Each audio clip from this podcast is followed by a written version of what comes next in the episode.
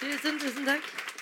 Takk. Vi- Jeg har også lyst på sånn flott entré, men så måtte vi liksom gå foran her før vi kom inn. Det var ikke helt planlagt. Vil du ha den en gang til? Nei, jeg kan, det holder, det. det holder. Ser du litt mer vant til å ta applausen, så jeg, Ja. vi kan øve på det etterpå. Ja, det var så, fordi jeg gikk glipp av den første, Ja. så måtte jeg ta igjen på den andre. Så det er, det er mye folk her, da. Det er jo helt bak der. Hallo. Bare ha kontakt med de òg. Ja, det er bra.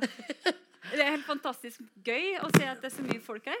Eh, Velkommen eh, alle sammen, og velkommen ekstra til deg, Linn. Er det du som eh, bråker sånn? Ikke med vilje, da. Nei, vi prøver Vi prøver igjen. bort. Ja, nå tror jeg det er Sitt litt stille med hodet. Ok. Jeg gjør det ikke for å være morsom, altså. Jeg sverger. Det var, eh, ja, ok, Skal vi teste den først før vi går videre? Ja. Eh, Det der gjorde du bare for å få to minutes of fame.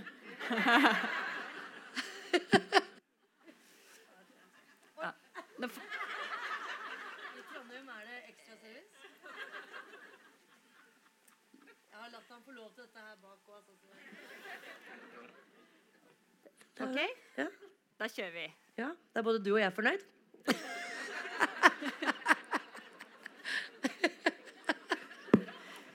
Unnskyld. Du får gjøre det igjen. Nei, jeg tror det går bra.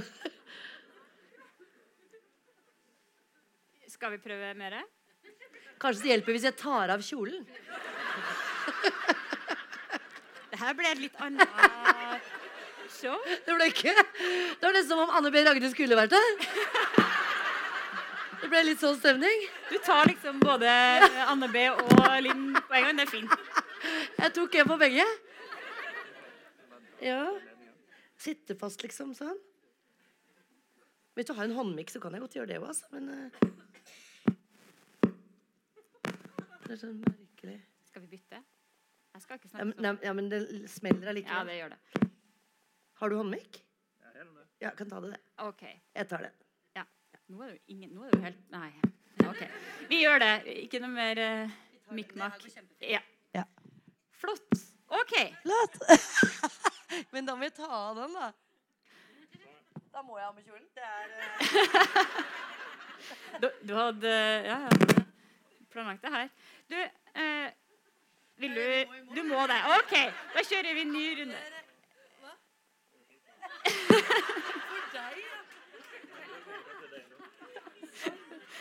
Jeg kan gi deg en hånd bak der hvis, hvis ikke du insisterer på Nå ble jo litt fint. Liksom. ja, ja. Sånn der, endelig. Greit. Med klær, med lyd. Det er godt utgangspunkt. Det begynner å ordne seg. Ja. Eh, Nei da. I dag fikk du hovedrollen, altså. er det meg nå? Det er vi som har Det insistert. er ikke meg. Det var ikke meg i, i det hele. Ja.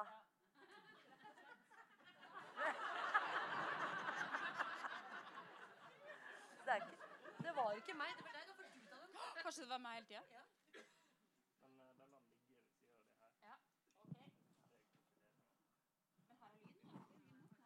Nei, men da kanskje hvis du tar den, da, så skal jeg Hallo?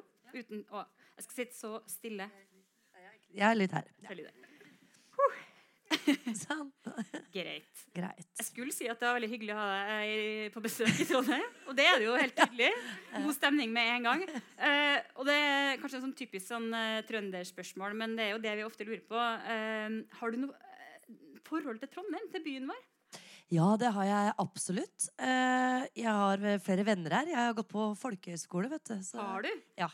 ja. Ikke her, altså. Å nei. Nei, det var bare Ah, et par trøndere som gikk på den samme folkehøyskolen. Mm. Så de eh, har jeg ofte vært og besøkt. Og dessuten så har jeg vært her mye i forbindelse med show og teater. Så eh, var jeg med et med Sossen Krogh, husker jeg. Ja. Ja, hun elska Trondheim.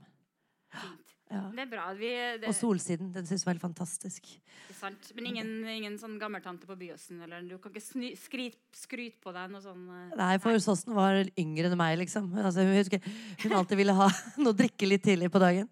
Eh, ikke, ikke sånn for at hun var alkis, eller hun bare koste seg. Så sa hun et eller annet sted i verden er vel klokken tolv nå. Ja, veldig gøy å reise på tur med. Ja. Du, eh, vi har i hvert fall et veldig godt forhold til deg. Da. Som du ser, Det ble jo utsolgt her eh, med en gang. Mm. Og selv om Anne B. Ragde nå da ikke kunne være med i dag, så dere fikk jo muligheten til å si nei takk. Eh, Men dere er her. Det vil si at de kommer for deg, Linn. ja, det er hyggelig. Men hvis noen her kjenner Anne B. Ragde litt bedre enn andre, så må dere virkelig hilse og si at hun må komme tilbake snart. Ja, Vi vil ha Neste gang. neste gang. Ja. Eh, vi skal jo snakke om boka di Mm. eh, til ungdommen. Så um, det er jo veldig naturlig å høre. Du har sikkert fått det spørsmålet noen gang nå, men jeg vil likevel eh, vite litt. grann. Eh, Du sjøl, da? Hva slags eh, tenåring var Linn Skåber? Det lurer jeg på. Jeg, jeg har et par øyeblikk som jeg husker veldig tydelig. Og de var veldig positive. Men samtidig, når jeg leser i dagbøkene mine, så er det nesten så jeg hadde blitt innlagt, tror jeg, hvis noen hadde lest det ordentlig. Så jeg tror at jeg var som en vanlig ungdom. Kjempeglad den ene dagen og veldig, veldig trist og så ikke noen videre vei den andre dagen. Men jeg husker det gode minnet var sånn at jeg tenkte at jeg, Det her er jo på 80-tallet, så at jeg tok sånn permanent som var veldig mislykka. For jeg hadde jo bleka hår òg. Og nå ler alle som er på 80-tallet, for alle har vært gjennom det.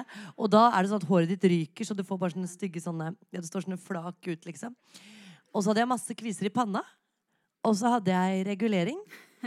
Og så sto jeg Og så hadde jeg sånn Jeg husker denne, for jeg var veldig fin. Aprikos magegenser, tatt masse solarium. Og så aprikos miniskjørt og Converse. Og sto og så på meg sjøl i speilet og tenkte Bedre enn det her blir det ikke. og jeg mente det. Mente det. Jeg var så fornøyd. Eh, og det ble jo ikke bedre heller. Nei, det høres ut som pika. Da gikk det nedover.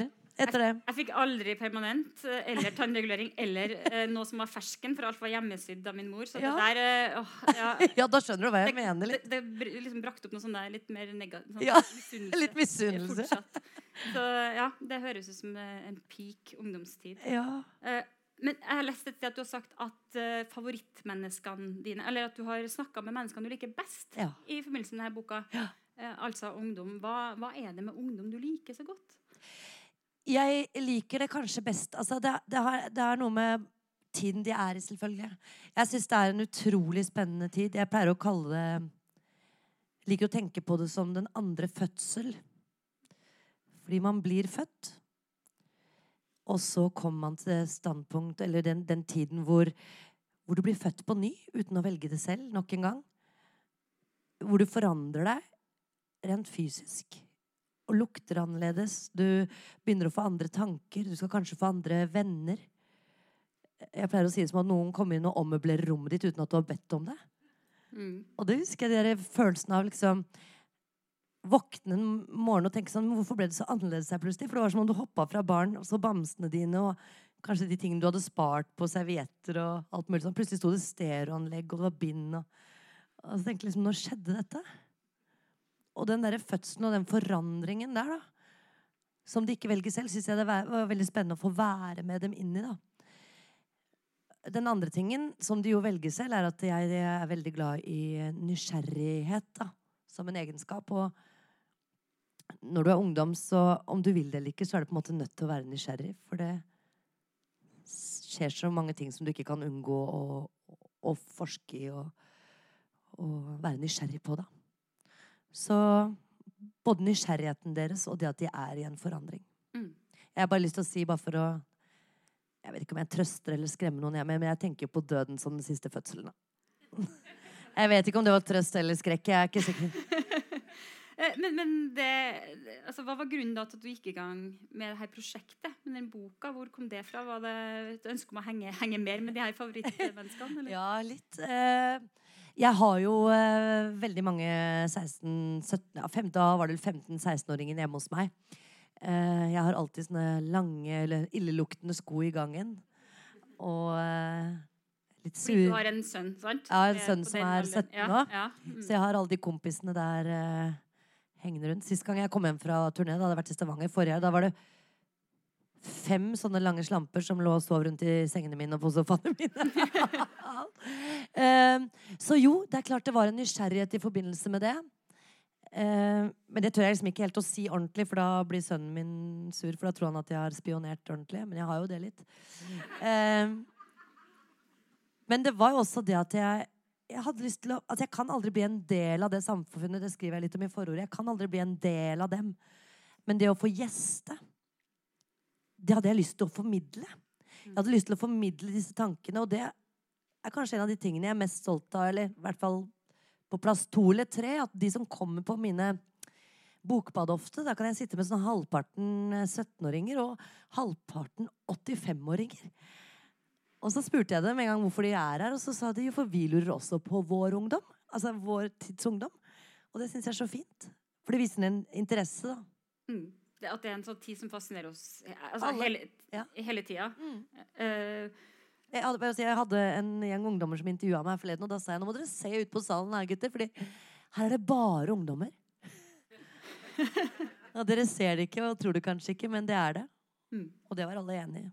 De som satt i salen. Altså. ja, ja. Det er man jo. Jeg tror ikke gutta ble med på den, men eh, Du snakka om det her med de der store skoene. For det er- jeg er jo mamma til en tolvåring som er liksom rett før, så det var veldig nyttig for meg å lese den boka. her. Eh, Jeg føler at det er sånn eh, grunnkurs i, i, ja, i ungdom. Men eh, plutselig det der at det skjer så plutselig, så har jeg da en jente som da er sikkert 30 kilo, men som har 39 i sko. ja.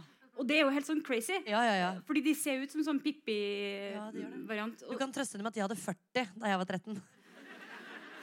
Så Ja. Derfor har jeg sånne klumper på tærne mine ennå. Fordi helt til jeg fram til jeg var jeg tror 38, så jugde jeg og sa at jeg hadde 39 sko, men jeg har 41.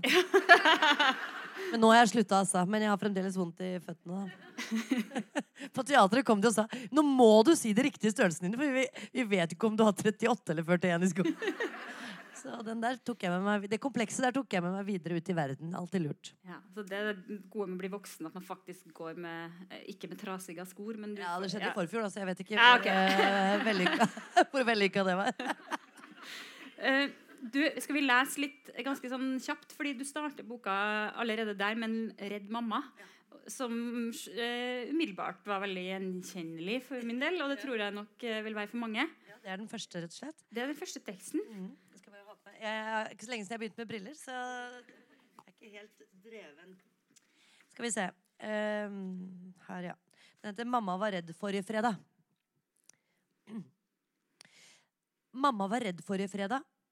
Hun var redd for GHB, sprittaxi, hasj som selges nederst på Grünerløkka, piller i drinken, voksne menn som selger øl til ungdom, amfetamin, stoffer hun ikke vet hva er, vodka, pulver som folk har med seg, og som vi kan få i oss uten at vi vet det, plata, rusbrus, narkomane, sixpack, hjemmebrent, ukjente venner med ukjente vaner, stjålet rødvin, sprit i brusflasker, og folk fra vestkanten eller Stovner som kan ha med seg noe vi ikke skjønner hva er.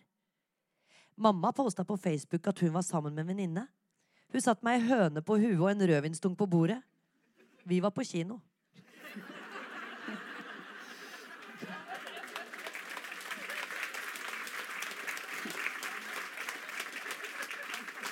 Det er sånn skamfull latter her. hører jeg. Er det noen som har hatt eh, høne på huet og rødvin på bordet? Vi snakker, jeg, jeg, boka er oversatt til eh, ungarsk, italiensk og tysk. Fikk jeg sagt det òg, det er jeg litt stolt av. Eh, men da ringer de oversetterne meg, eller skriver tekster til meg da, for å spørre om småting de lurer på. og da kommer det sånn eh, What does hen on the head mean? eh, og så, så jeg, vet, jeg vet ikke. Jeg klarer ikke å forklare det. Men det er bare at Jeg turte ikke å si det helt, da, men det er for at jeg hadde en sånn høne på huet. Men i utlandet så høres det litt rart ut. Men det var som vi snakket om, man forstår liksom bildet likevel, at mamma har hatt det veldig gøy. da. Ja. Mens de var på kino. Ja. Som er litt sånn symptomatisk for mye i denne boka. her, tenker jeg, Fordi det liksom snur litt opp med på hvem er det som er den voksne, og hvem er det som er barnet, barn. og hvem er det som, eh, ja. Ja, Det er ja. helt riktig. Mm. Eh, men det med mamma og pappa, da. Eh, den redde mammaen, er det litt eh, Stemmer det? Er det litt sånn Jeg kjenner meg jo igjen i det. Ja. Og at man gjerne tar litt forskjellige roller kanskje også i, i det her ungdomsforeldreskapet også. Er det ditt inntrykk òg? Ja, Det stemmer nok veldig godt for min del. Men jeg husker jeg hadde en alvorsprat med sønnen min når vi hadde det, det var, altså, litt sånn ordentlig krangel. da. Og da husker jeg han sa det at det han irriterte seg mest over over meg, var at jeg mistenkte at de gjorde gærne ting hele tiden, og at de ikke gjorde det. Men da sa jeg faktisk eh, point taken. Og har forsøkt å slutte med det, faktisk. Så nå er han fornøyd. Nå kan han lure meg hele tida. ja. Nei, men det var et alvorstol, det, altså. Det var, eh, det var det fra hans side. Og gi litt mer tillit. Ja, det tror jeg eh, man, man skal, er jo i ferd med å bli voksen og forlanger vel tillit på samme måte som vi også forsøker å få det, da. Mm. Mm. Men du, eh, litt om hvordan du har jobba. Fordi ja. du har jo da åpenbart intervjua Ja. masse ungdom. Ja. Hvordan gikk du fram? Og, og det, hadde du et sånt aldersspenn fra, da, fra sånn til sånn? Og jenter og gutter, hvor hen i landet? Ja. Jeg skulle nok vært eh, sikkert Det er mye Har du vært i Trøndelag? Nei, ja, ikke sant? Ja, jeg, har, jeg har jo det for så vidt, altså, men ikke, ikke vært der eh, og intervjua her, da. Men eh, nei, eh, det er som jeg sier. Jeg, jeg hanka dem inn fra Jeg begynte innerst i kretsen til Nils, et par eh, venner der. Og så gikk jeg utover og utover og utover. Og så begynte jeg liksom å ta tak i ungdom på gata, på bryggekanter og litt sånn. Og som jeg sier, jeg var jo veldig heldig at jeg ikke var en sånn 60 år gammel eh, mann. Ja. Eh, Jeg lokket dem med godteri og middager og brus. Og da var det nok en litt fordel å være litt kjent og samtidig kvinne. Ehm, det, jeg søkte også ungdom som jeg visste hadde litt mer bagasje. I form av kanskje ja, større sorg, for eksempel, i tidlig alder. For eksempel noen som hadde mista mamma og pappa midt i denne tida som er så viktig. Og det er ganske tøft. Det er alltid tøft å miste noen, men ungdomstida, det fortalte de om også, er på en måte den Nå skal jeg ut, liksom. Jeg skal ta på meg vingene og fly. Og så på en måte er det du kanskje som blir sittende igjen og trøste og være hjemme. For din egen samvittighets skyld. Tok jeg tak i også folk jeg visste hadde slitt mye med angst, eksempel. Så jeg visste også hvor jeg skulle gå for å få de følelsene. Men, eh, men det var nok å snakke med vanlig ungdom. eh, som ikke hadde opplevd eh, alt det.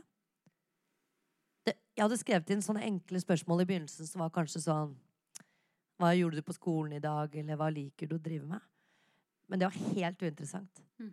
For før jeg hadde liksom fått slått på min uh, iPhone, da, så ville de snakke. Altså, det rant ut.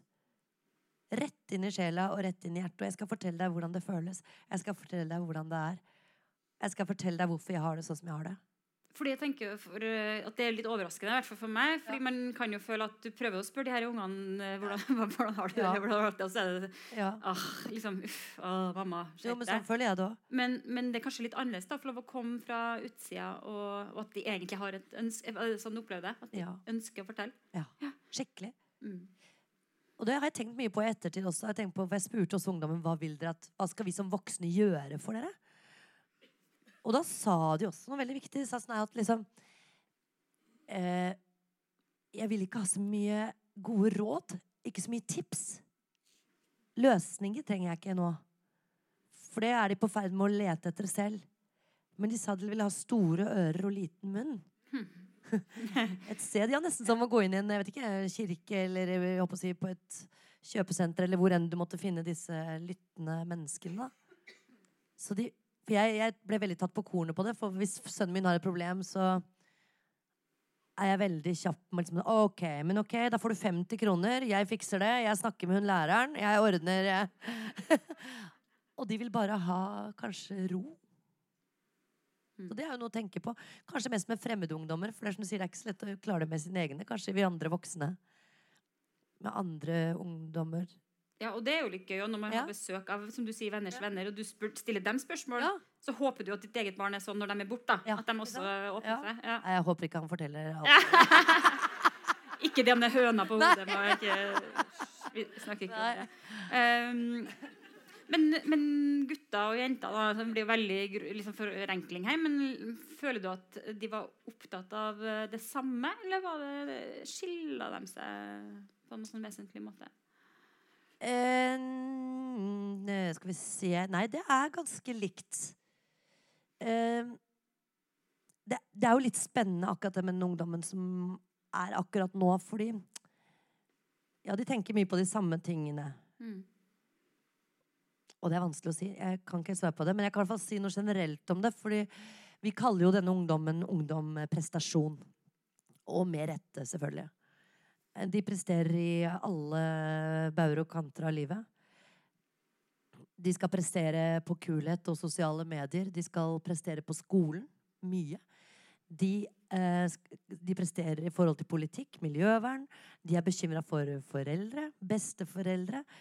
Og i og med at de har så stor kontakt gjennom nettet med alt dette, så mener jo jeg at denne prestasjonen også vil utvikle i større grad et annet gen hos altså, som heter empati. For de vil nødvendigvis bry seg. Og bry seg om verden og bry seg om alle. Så jeg har eh, rett og slett eh, døpt om generasjon prestasjon etter å ha jobbet med denne boken, til generasjon omsorg. Mm. For de bryr seg om hverandre og tar vare på hverandre. På en ganske triviell og enkel måte av og til også. Sånn som de sa for eksempel sånn Nei, nå må jeg bare finne på navn. Da, så jeg, må bare, si jeg har ikke jeg lov, lov til å ikke si hvem det de heter.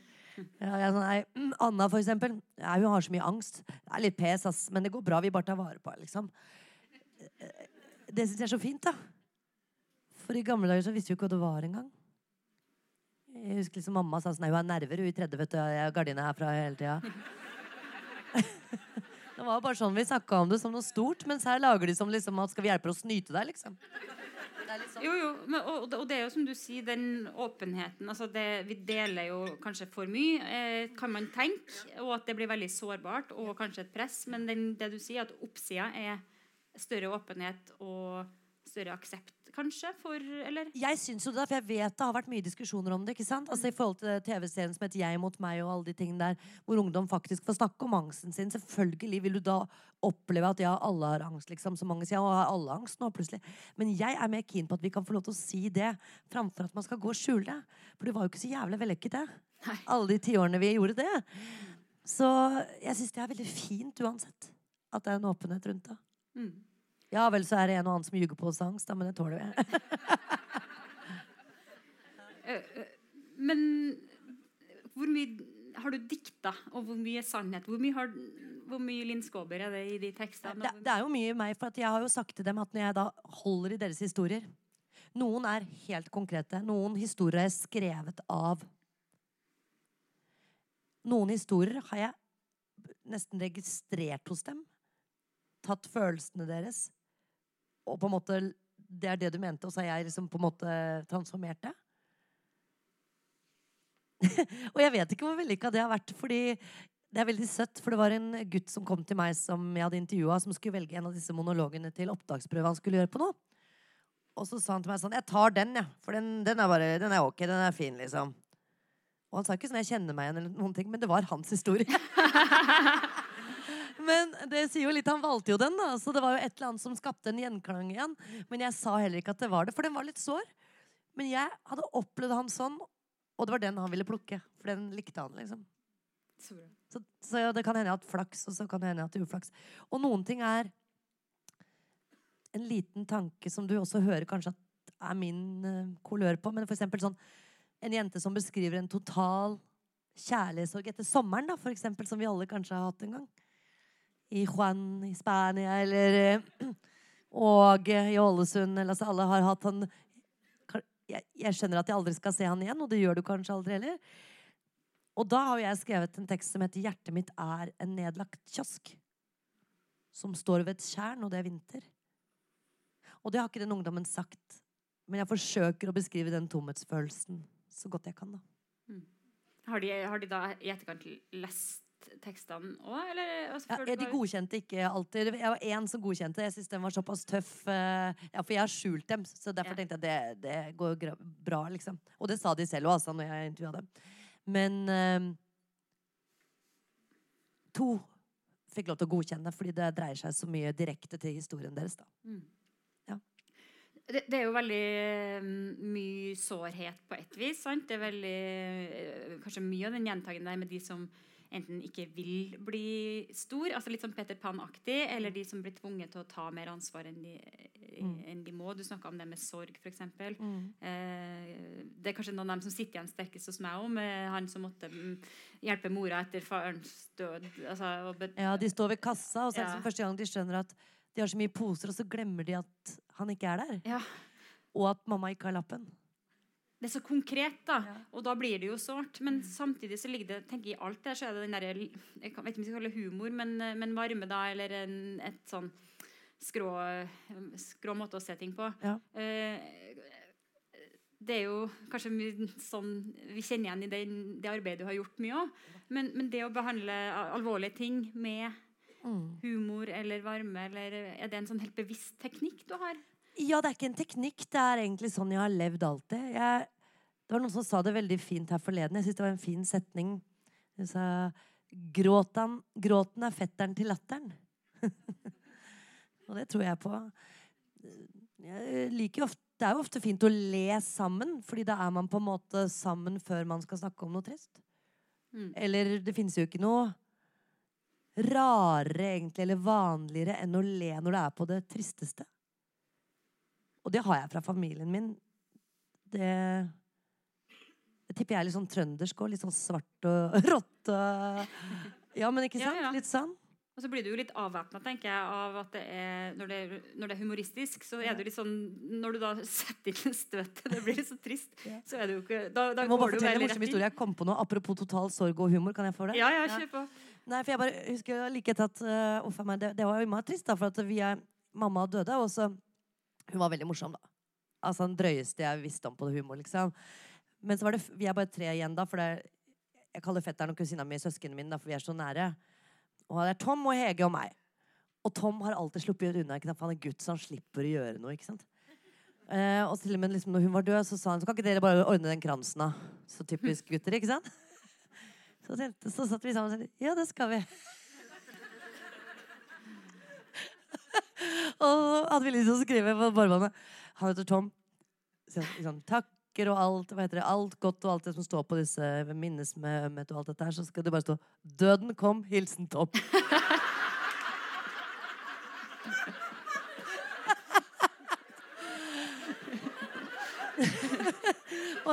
jeg var ett sekund fra å gjøre det, altså, men han eh, gjorde det ikke. Men moren min hadde ledd seg av det, så jeg burde ha gjort det.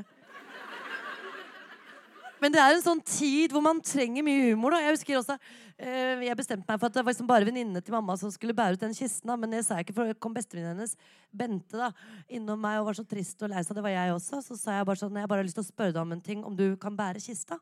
Og så sa hun ja, det ser jeg på som en ære. Det vil jeg veldig gjerne gjøre. Så jeg ja, du må gjøre det aleine, altså. Jeg så for meg hun skulle dra den kista opp etter eh,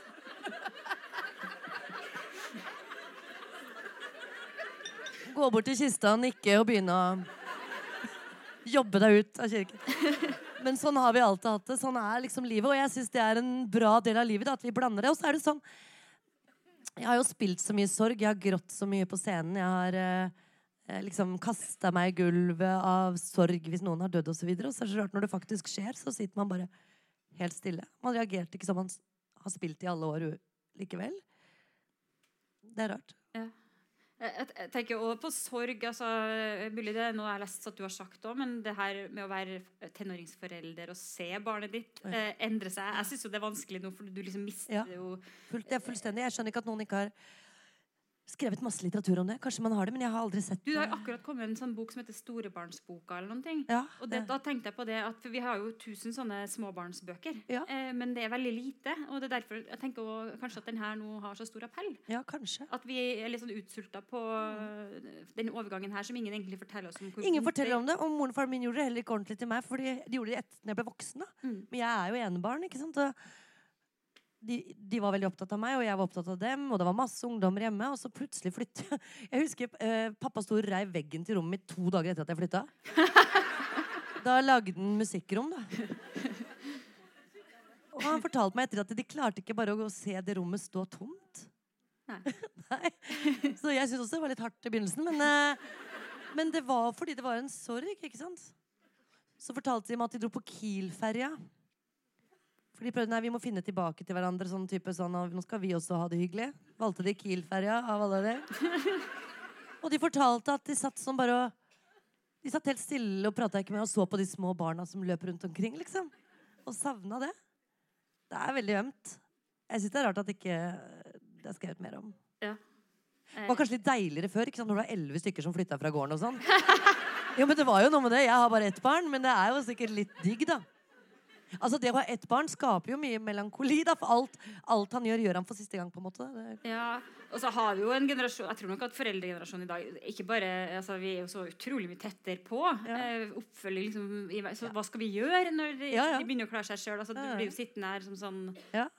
Hva er livet da? Ja, ja. Ja, det, um... Og da er det, er det ikke alt Ja, ja, det er, det er kvinner og menn igjen, men det er ikke alltid så lett å bare gå og stirre på de barna som spiller fotball. Men du savner dine egne barn. og, du- og gå og se på noen andres barn. Jeg låner barn hele tiden. Jeg, har lånt en jente nå. Skal ha den på teater til torsdag. Så det, det, måte, det kan være et råd eh, for tenåringsforeldre. Ja, ja. Låne noen barn. Ja, ja, og Og folk blir jo så glad for å gi til utlån. Du kan få låne tre av meg. hvis Ja, gjerne. Når som helst. Um, en, no, flere tekster er også innom det her med mm, så, ja, samlivsbrudd, skilsmisse, det å få nye foreldre. Hvordan, eh, for igjen da, så har vi jo kanskje som foreldre også mye fokus på hvordan det påvirker de her små barna. Men det er jo mennesker altså Kanskje man tenker at det går så greit. Du er jo, nå er du jo tolv, nå kan vi skille oss. Eller nå er du, eh, ja. Ja, ja. Eh, og, og det å Jeg kjente liksom det stakk litt i hjertet. Jeg tenkte vi kunne lese eh, den teksten som heter for? 'Det skal lukte salam'. ja, så gøy. Men da reiser jeg meg. Ja, gjør det. Men Er det noe mikrofonstativ her, eller skal du bare straffes og stå og holde den for meg? jeg kan Skal du si tittel? Skammens mikrofonstativ. Du får kanskje ikke prøve å ta den på? Den andre? Du. Eh, du, du har et sånt grønt merke, det midterste, tror jeg. Å ja, takk. Briller og kjole og bok. Det er mye å tenke på. Ja, perfekt. Skal vi se Nå skjønner jo alle at du gjorde det for å komme opp etter kjolen min. Nå- funker den. Ok. Eh, ja, jeg, jeg håper dere får se denne illustrasjonen her, her etterpå, for den er jeg så glad i. For Lisa er jo Vi skal snakke litt om Lisa Aisa 2 etterpå, men ja, for de som sitter nærmest, da, men det er så utrolig flott, de blikkene hennes. Altså Når jeg skriver tekster, så kommer det sånne øyne tilbake som beskriver alt. Har du, har du en annen Skal vi Ja, den kommer trykke? her. Kan vi, skal vi trykke? Kan vi gjøre det? Ja, ja. Jeg Vi, skal vi kan snakke om Lisa først når mens jeg trykker. Kan vi gjøre det? Ja. Uh, og så kan vi lese teksten Jeg etterpå. kommer nok Jeg tror den kommer Nei, oi, ja riktig. jeg Litt til. fort. Prøver. Hvor skal jeg peke? Der Der. har du dette blikket. Ja, der er det salami. Og han er sur for å ha fått en ny stefar. Og han sier Det skal lukte salami av hverdagene og varm asfalt. Ikke nykyssa mamma og det kvalme etterbarberingsvannet til han nye typen hennes lukter taxfree, det lukter kål. Og TV-en skal stå på med Dagsnytt 18. Og det skal komme vanlige nyheter, og ingen har lov til å slå av TV-en fordi de føler for det og sette på jazz. Det skal være vanlige leggetider, og ikke sånn smisketid hvor vi skrur av taklampa på kjøkkenet og tenner stearinlys i stedet og spiser skistoodles selv om det er tirsdag. Det skal være vanlige lyder i huset. Ikke høy, dustete damelatter som ler av dårlige vitser og høres ut som en fjortis og liksom går opp sånn på slutten for å virke søt. Og folk skal klemme vanlige klemmer. Ikke lange, klamme og meningsfylte favntak som jeg liksom skal forstå meningen med. Klem meg inntil deg, fort vanlig. Og vanlige matpakker, vær så snill, med ost og skinke. Og en og annen agurkbit. Ikke flere etasjer med brødskiver og majones og mening og sjokolade og lapp der det står 'Dagen i dag blir fantastisk. Nyt'. Ikke lån Spotify-en min. Ikke tråkk i livet mitt. Ikke bli en annen. Ikke si 'kidsa mine'. Ikke sett opp nye dørskilt med nye navn. Ikke bli så tynn. Ikke kom inn på rommet mitt før du er helt vanlig igjen.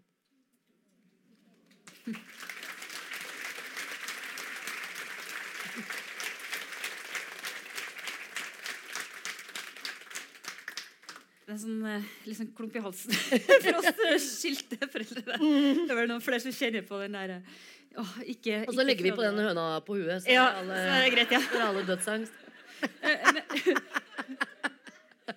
Men, eh, men man, altså, det her med trygge rammer og, og er det rett og slett sånn at det aldri kan bli jeg si, At vi har, vi har undervurdert det litt? Det er, jo, det er jo det vi fleste ønsker oss, egentlig. Og kanskje spesielt i tenåra. Altså at man skal ha ting Noen ting skal være som Ja, de jeg er. tror vi ønsker det, men eh, Og vi vil jo gjerne se det bildet på en måte av det, men jeg er jo helt uenig, bare for å trøste deg litt. Men mora, mora mi sa alltid Jeg skjønner ikke at ikke flere folk skiller seg. Og hun hadde vært gift i 50 år med den samme mannen og elsket han overalt. Men hvis man ikke har bra, hva er grunnen? Ja, ja. Jeg tenker sånn På jobben får du i hvert fall gullklokke.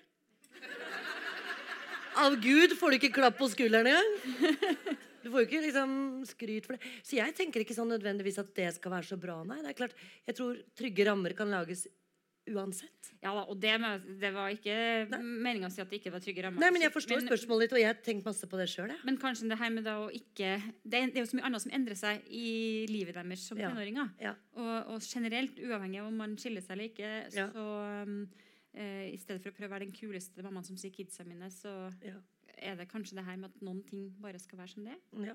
ja, det føles det sånn. Mm. Det er også fint å ha Jeg husker jeg hadde en sånn øh, Vi kalte I sånne blokker som jeg er oppvokst i, så har man alltid en kjeftekjerring og en sladrekjerring og sånn. Og hun sladrekjerringa som bodde ved siden av meg, hun var veldig, veldig glad i. Og hun het fru Nordby, for vi kalte hverandre alltid ved etternavn. Uh, eller de eldre, da. Og hun har betydd masse for meg, f.eks. Som en slags trygghet til livet. Fordi jeg visste at når jeg hadde, kjeft, nei, jeg hadde fest, så ville hun kjefte litt og sladre til mamma og pappa. Men samtidig så var liksom det en helhet av min hverdag. da. Og da er jeg vel egentlig i ferd med å si noe sånt som at det er lov å være den eh, nabokjerringa som Gro Harlem Brundtland snakka om. Jeg har gitt tillatelse til alle i gården å oppdra min sønn, f.eks. Det er lov. Eh, Det gjør vi med alle barna i det samfunnet vi lever i. Sånn, ikke klatre i det syrintreet. Det, det kan du ikke si, for du er moren min. Jo, jeg har fått lov av moren din å bestemme over deg. Ja, men Det er veldig flott å tenke på litt sånn at vi kan ta litt ansvar også. Og ikke bare med negativitet, men positivitet. Jeg elsker jo å skryte av andres barn, f.eks. Ja. Det er mye, det. Og det er kanskje også vel så viktig. Det er Ja. Apropos å se noen. At, Ja, det er det. Ja, og at det kanskje er lettere å ta imot av noen andre enn dine egne foreldre. Ja, Mm. det tror jeg. Mm. Eh, eh, var jo egentlig litt inn på det da, med hva man har lært litt av eh, Men har du lært noe av de her ungdommene som du har tatt med deg uh, sjøl? Altså, har det endra deg på noe vis? Måten å se tilværelsen på? Ja, jeg lærer jo hele tiden fordi jeg bor så mye med dem også. Mm. Eh, Men jeg har eh, gått på noen helt konkrete smeller som er helt absurde. Jeg husker de skulle lese til norsktentamen, heter det eksamen kanskje, på slutten der, ja. Muntlig. Og de var hjemme hos meg, og de bråka og turna og raste det rommet. Så jeg var så forbanna til slutt. Det var én jente og to gutter. Den var sønnen min. Og så er det, nå må dere ta dere sammen. Dere skal lese, liksom. Ja, nei, vi gjør det. Nei, dere gjør jo ikke det. Jeg ser jo at ikke dere gjør det. PlayStation står på, og senga er knukket, og det er liksom helt bajas. Og de tre var de eneste i den klassen som fikk seks i norsk muntlig. så det er ikke en måte man lærer på. Vi kan jo aldri Det er jo det som er så, det er det som er så fascinerende, og det er det som skal dele generasjoner. Det er derfor det ble oppfunnet ungdomstid en gang på 50-tallet. var det vel, Vi liksom begynte å se på tenåringer som tenåringer. da. Eh, og sånn skal det være. Jeg, jeg hører jo hele tiden, kanskje generasjonen litt over meg, og mine også, at de sier sånn De ungdommene sitter bare med eh, nesa i mobilen. De sitter sånn, Hele samfunnet går på å gå ned i mobilen. Ja, det gjør de kanskje, men de spiller jo ikke Candy Crush sånn som deg. Det er det statsministeren som gjør, det er det de eldre som gjør. Denne generasjonen har kontakt der ute. De snakker med hverandre. Det er deres måte å kommunisere på. Det er deres hemmelighet som ikke vi er en del av. Og jeg sier ikke at det alltid er en bra utvikling, men det er en utvikling, og den er mye bra i den. Må jeg nesten ta den mest rørende historien. Den har du sikkert lest om i avisen, for det har jeg, da. Men han gameren Har, har dere hørt om Ja, alle men fortell. det Ikke alle har hørt om den. Ja, nei, det er en, en ensom gamer, da. Litt sånn Han er bare alene hjemme. Han har ingen venner. Foreldrene syns det er trist. Men han sitter bare og spiller. Men de får ikke gjort noe med det. Så går det en stund, og så dør han. Av, av sykdom. Og i begravelsen hans så tror jeg det kommer 500 ukjente ungdommer. Fra hele verden.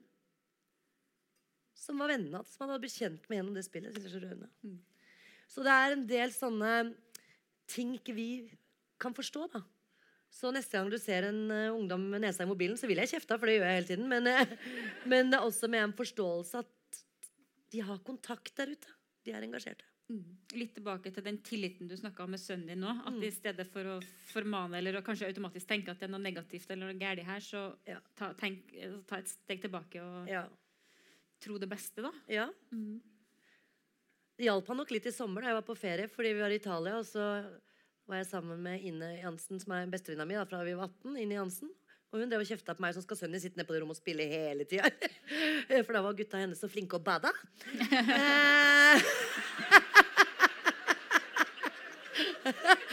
Ja, og både bestemoren og Ine var mot meg da.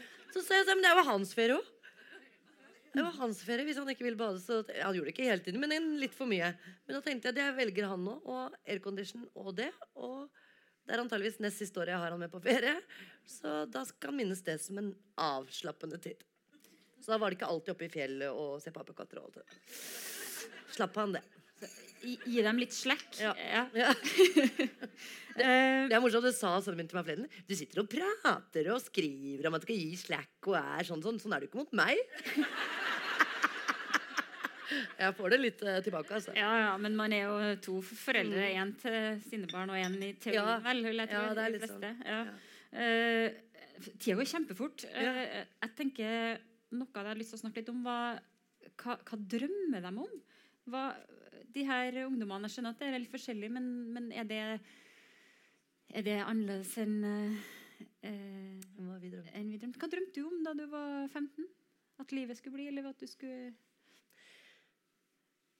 Jeg tror jeg drømte om at det skulle bli gøy. Og det hender at jeg gjør ennå. Eh, ja, bare den følelsen Jeg fikk en sånn veldig spesiell følelse når vi to gikk hit i stad.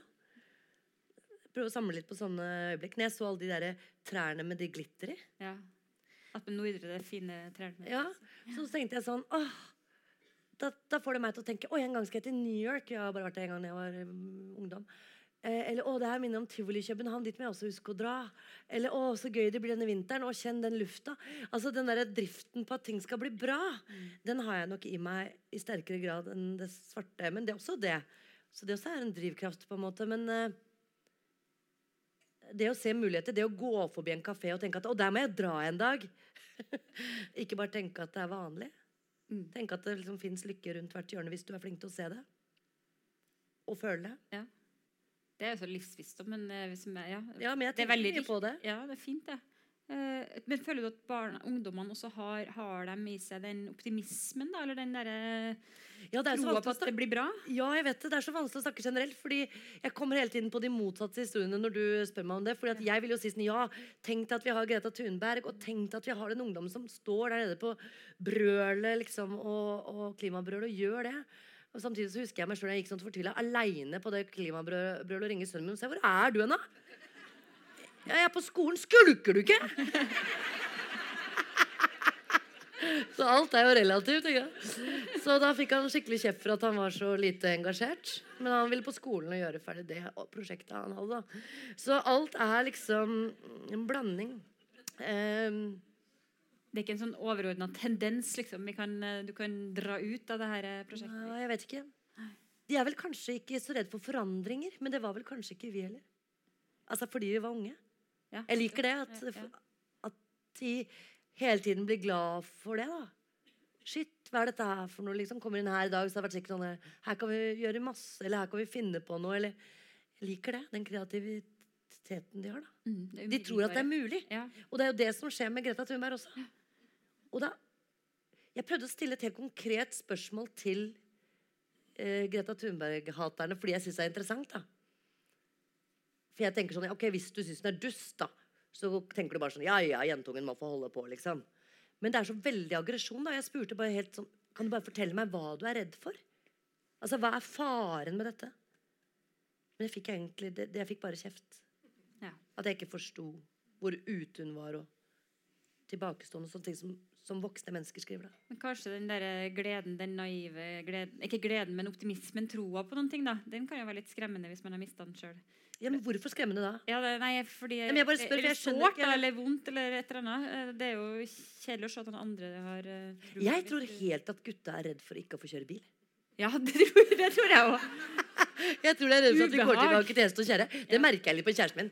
Fordi han uh, nekter å gi fra seg den bilen. Så, og jeg tror han er redd for at han må ri. Jeg tror mye handler om ja. Jeg, jeg vet ikke, jeg lurer på det, er det, for jeg vet ikke hvorfor de er redde. Kanskje det er noen som vet det. Er det noen som kjenner litt på det og sier ja, men jeg kan forklare hvorfor vi er sure på henne? Jeg, jeg kommer ikke til å drite det ut. Altså. Jeg mener det på ordentlig. Og det glemte jeg å si fra starten, og nå begynner det å bli sent, men vi skulle si i starten at eh, spørsmål og kommentarer på slutten. Ja. Vi skulle tenke på det. Ja. Nå har dere veldig kort tid på å tenke på det, men gjør det litt, rann, for vi Ja, skal snakke litt til. til. Um, ja. Eh, Rekker vi å lese litt Ja, mer? jeg, eh, tror det. Vi, ja, vi gjør det. Skal bare rekke en middag med noe vin og sånn etterpå. Men Ja, eh, de holder det. vel åpent uh, lenger. Uh, ja, um, om du, du kan jeg vurdere en, da? Ja. Du kan Ja, vurdere. ok, jeg kan um, Jeg skal gjøre det. Jeg kan lese den som heter om jeg, den, er litt, den, er, den er ikke sånn dritkort, da, men det er to sider. Dere orker det? Holder ut to sider? Skal vi se Eh, Hva heter den for noe, da? Den heter 51. Ja. Den går. Ja, nå jeg den, ja. Det sånn. Uh, om jeg vil på hytta i helga?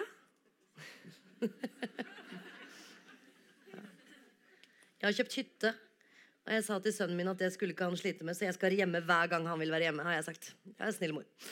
Har du da vært på den hytta? Han- ikke med han, nei. Nei, Altså, han, var hjemme hver gang han vil være hjemme. Han var med en gang. Det hadde han så gøy. Det var masse ungdommer og arrangering av leker. og Han var helt gjennomsvett og hadde med seg kompisen sin og løp i sånne Hawaii-utstyr. Og så kom han løpende mot meg, og jeg tenkte der kommer han. Og så sa han mamma, når skal vi hjem?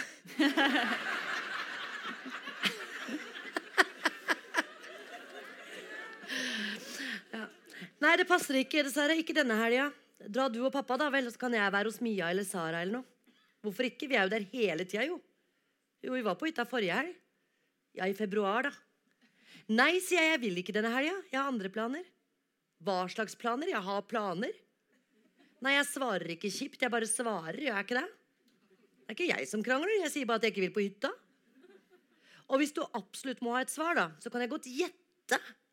Jeg kan godt gjette hva jeg skal gjøre i helga. Men jeg vet jo ikke om det kommer til å skje. Men jeg kan gjette, ja, hvis du vil. Først tenkte jeg å stikke hjem til Sara, for foreldrene hennes er ikke hjemme. De skal i en bursdag til en fyr på jobben til faren hennes i Moss eller Son eller noe. Og så skal de sove over der og kommer ikke hjem før dagen etter. Storesøstera skal passe på Sara, men hun er kul, hun sladrer ikke. Foreldrene tror at Sara bare skal sitte hjemme og se på TV. Men det skal hun ikke. Det skal hun skikkelig ikke.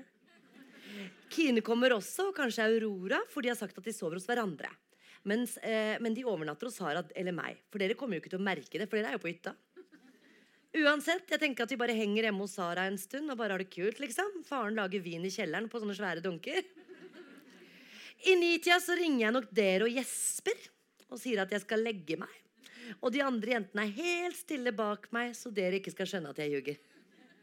Etter det så begynner vi sikkert å sminke oss og fikse håret. Og så tipper jeg at vi ringer på til naboene til Sara, de gutta på 18 som får seg ved siden av. De er sykt kule, og ikke for å skryte, men jeg tror de syns vi er ganske fine også. Og det er vi. Vi har tatt på oss klærne til storesøstera til Sara. Og det er de rå klærne. Det er bare korte topper og kule jeans og sånne drithøye støvler og sånn. Ja, Det kan hende at vi henger med de 18-åringene en stund. Kanskje noen kliner til og med. Men jeg tenker at vi stikker ut etter hvert likevel, selv om klokka begynner å nærme seg 11. Kanskje 12. Etter det så tror jeg vi bare henger rundt senteret en stund.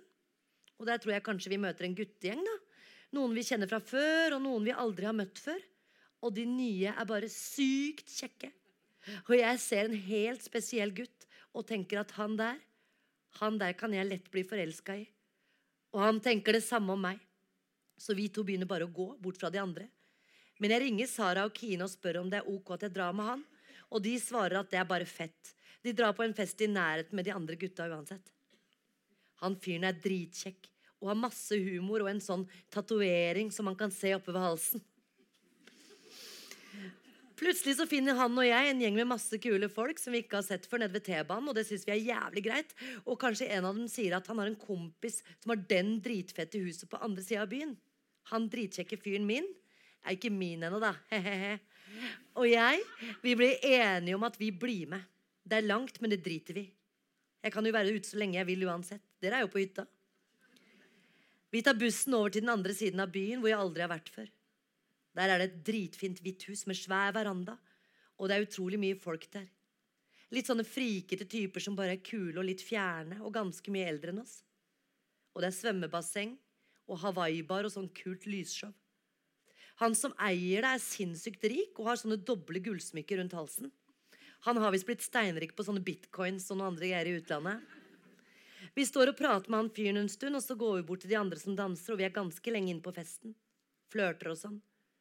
Og så tenker jeg at vi setter oss ut i hagen på gresset, og der begynner vi bare å kline. Skikkelig kline, liksom. I hvert fall en time.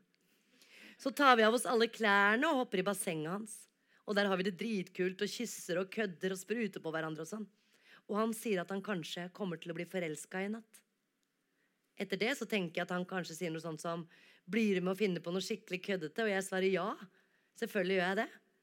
Og han har med seg en flaske Zalo på innerlomma, og så stikker vi ned til byen og heller Zalo i fontenen på torget. Og det skummer langt ut på gata. Ikke lær av det her, ikke les så mye av det. Inni det skummet der kliner vi enda mer, og vi ser ingenting, bare skum. Og vi hører ingenting heller før vi hører politisirenene. Da stikker vi. Løper hånd i hånd bort til bussholdeplassen. Men fuck, klokka er jo fire, og bussen går ikke lenger. ikke sant? Ingen av oss har penger til taxi. Hva gjør vi nå, liksom? Jeg ringer jentene for å høre om de har penger de kan låne meg, så jeg kommer meg hjem, men de har lagt seg hos Sara. Eller ikke Kine, da. Hun sover over i den naboleiligheten. Vi bare står der og vet ikke hva vi skal gjøre, og da begynner vi bare å le, og han sier yolo, og det syns vi er så gøy og teit at vi bare ler enda mer. Han har en 200-lapp, så vi kjøper en pakke Kent og en Stratos og går ned til festningen. Klatrer over gjerdet og sniker oss inn så ikke vaktene ser oss. Der sitter vi på kanten av muren og ser utover fjorden. Og han spør om jeg noen gang har hatt sex, og jeg begynner å fnise og svare. Hvorfor skal jeg fortelle deg det? Jeg kjenner deg nesten ikke. Han begynner i stedet å fortelle om seg selv. At han har sittet mye inne og sånn. og så kommer den fine soloppgangen. Og vi spiser sjokolade og røyker og ler. Over ellevetida om morgenen så våkner vi, går ned til bussen og drar hjemover. Jeg stikker ikke til Sara nå, jeg ringer henne bare seinere på dagen. Kjenner jeg henne rett, så kommer hun til å sove til klokka fem eller noe. Jeg stikker hjem til oss i stedet. Dere kommer vel ikke før sånn utpå ettermiddagen? Jeg sover litt på sofaen og tenker at jeg tror jeg skal ringe han typen på mandag. Kanskje. Og da må jeg huske å spørre hva han heter. Jeg veit jo ikke om det skjer, mamma. Dette. Men hvis jeg må gjette det ble Geilo hele helga, det. At jeg aldri kan holde kjeft.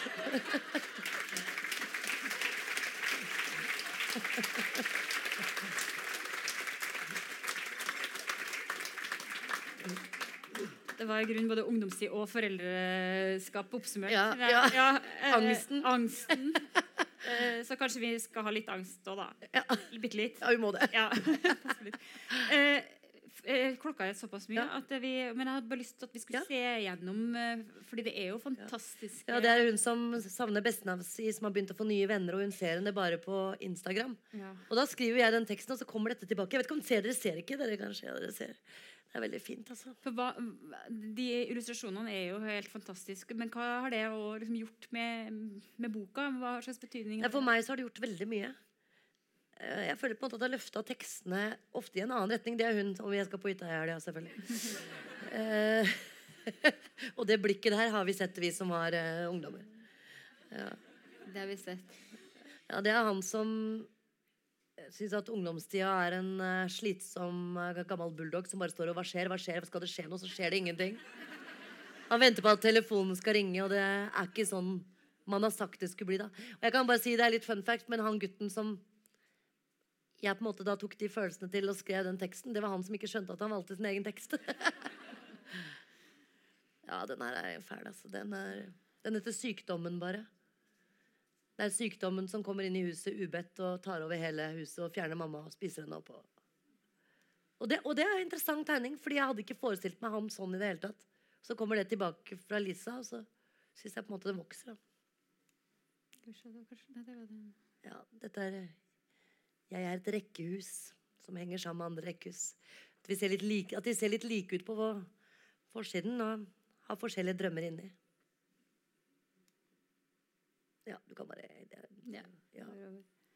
Eh, Ja, det, der, Ja, det var store vi kan avslutte med den, eh, den der, syns jeg.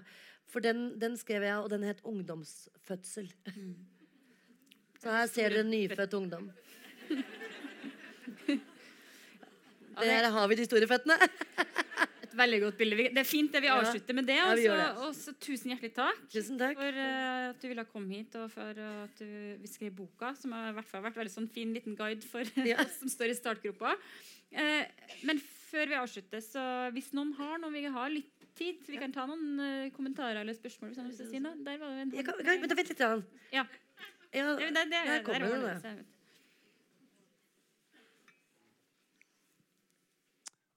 jeg vet. Eh, Jeg vet ikke om jeg tør å si det her, men eh, for å gå rett på sak, da. Jeg syns du skal skrive bok om meg.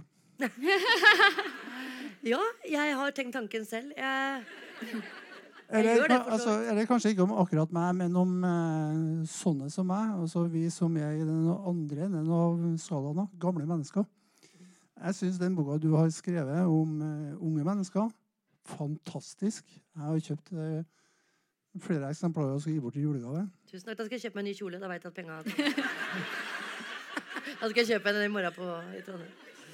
Men den, altså, sånn som jeg opplever boka, da, så er det uh, unge mennesker. Hva de tenker om foreldre, venner, kjærlighet, skole, arbeid, lekser. Store forventninger. Ganske bekymra for uh, hva som skal skje. De står på startstreken. Mens jeg, mine Mm. Vi er i mål, på en måte. Sånn, altså, vi har jo svaret. Alt Ja. det de lurer på. Eh, Ja, men jeg, jeg, jeg kan svare deg på det ganske konkret. Eh, jeg hadde egentlig lyst til å ta de eldste. Altså ikke deg. Jeg hadde egentlig lyst til å ta 80-90-åringene.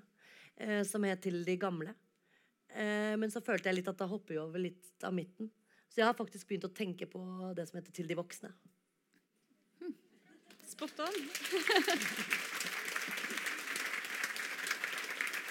Du har noen å plukke av eh, uti her, da, hvis det er noen som vil være sånn eh, case studies. Er det noen flere hender? Jeg ser ikke så godt baki her. Ja, men eh, jeg har nok prata for mye. Det er sikkert ikke så mye å spørre om. Ja, det tror jeg er greit. Ja. Ja. Jeg synes det var fint å avslutte med det fine ja, det var veldig, veldig fint. Eh, det, hvis noen ønsker, så er det mulig å kjøpe bok der. Og så signering her har jeg fått beskjed om. Okay. Det ser, vi, det ser dere. Det finner dere ut av. Det blir sikkert sånn, for da kjøper man det, og så går man dit. Yes! så der, Sånn samle, samlebåndseffekt. ja. Takk for at dere kom, alle sammen. Tusen takk til deg. Linn. Tusen takk.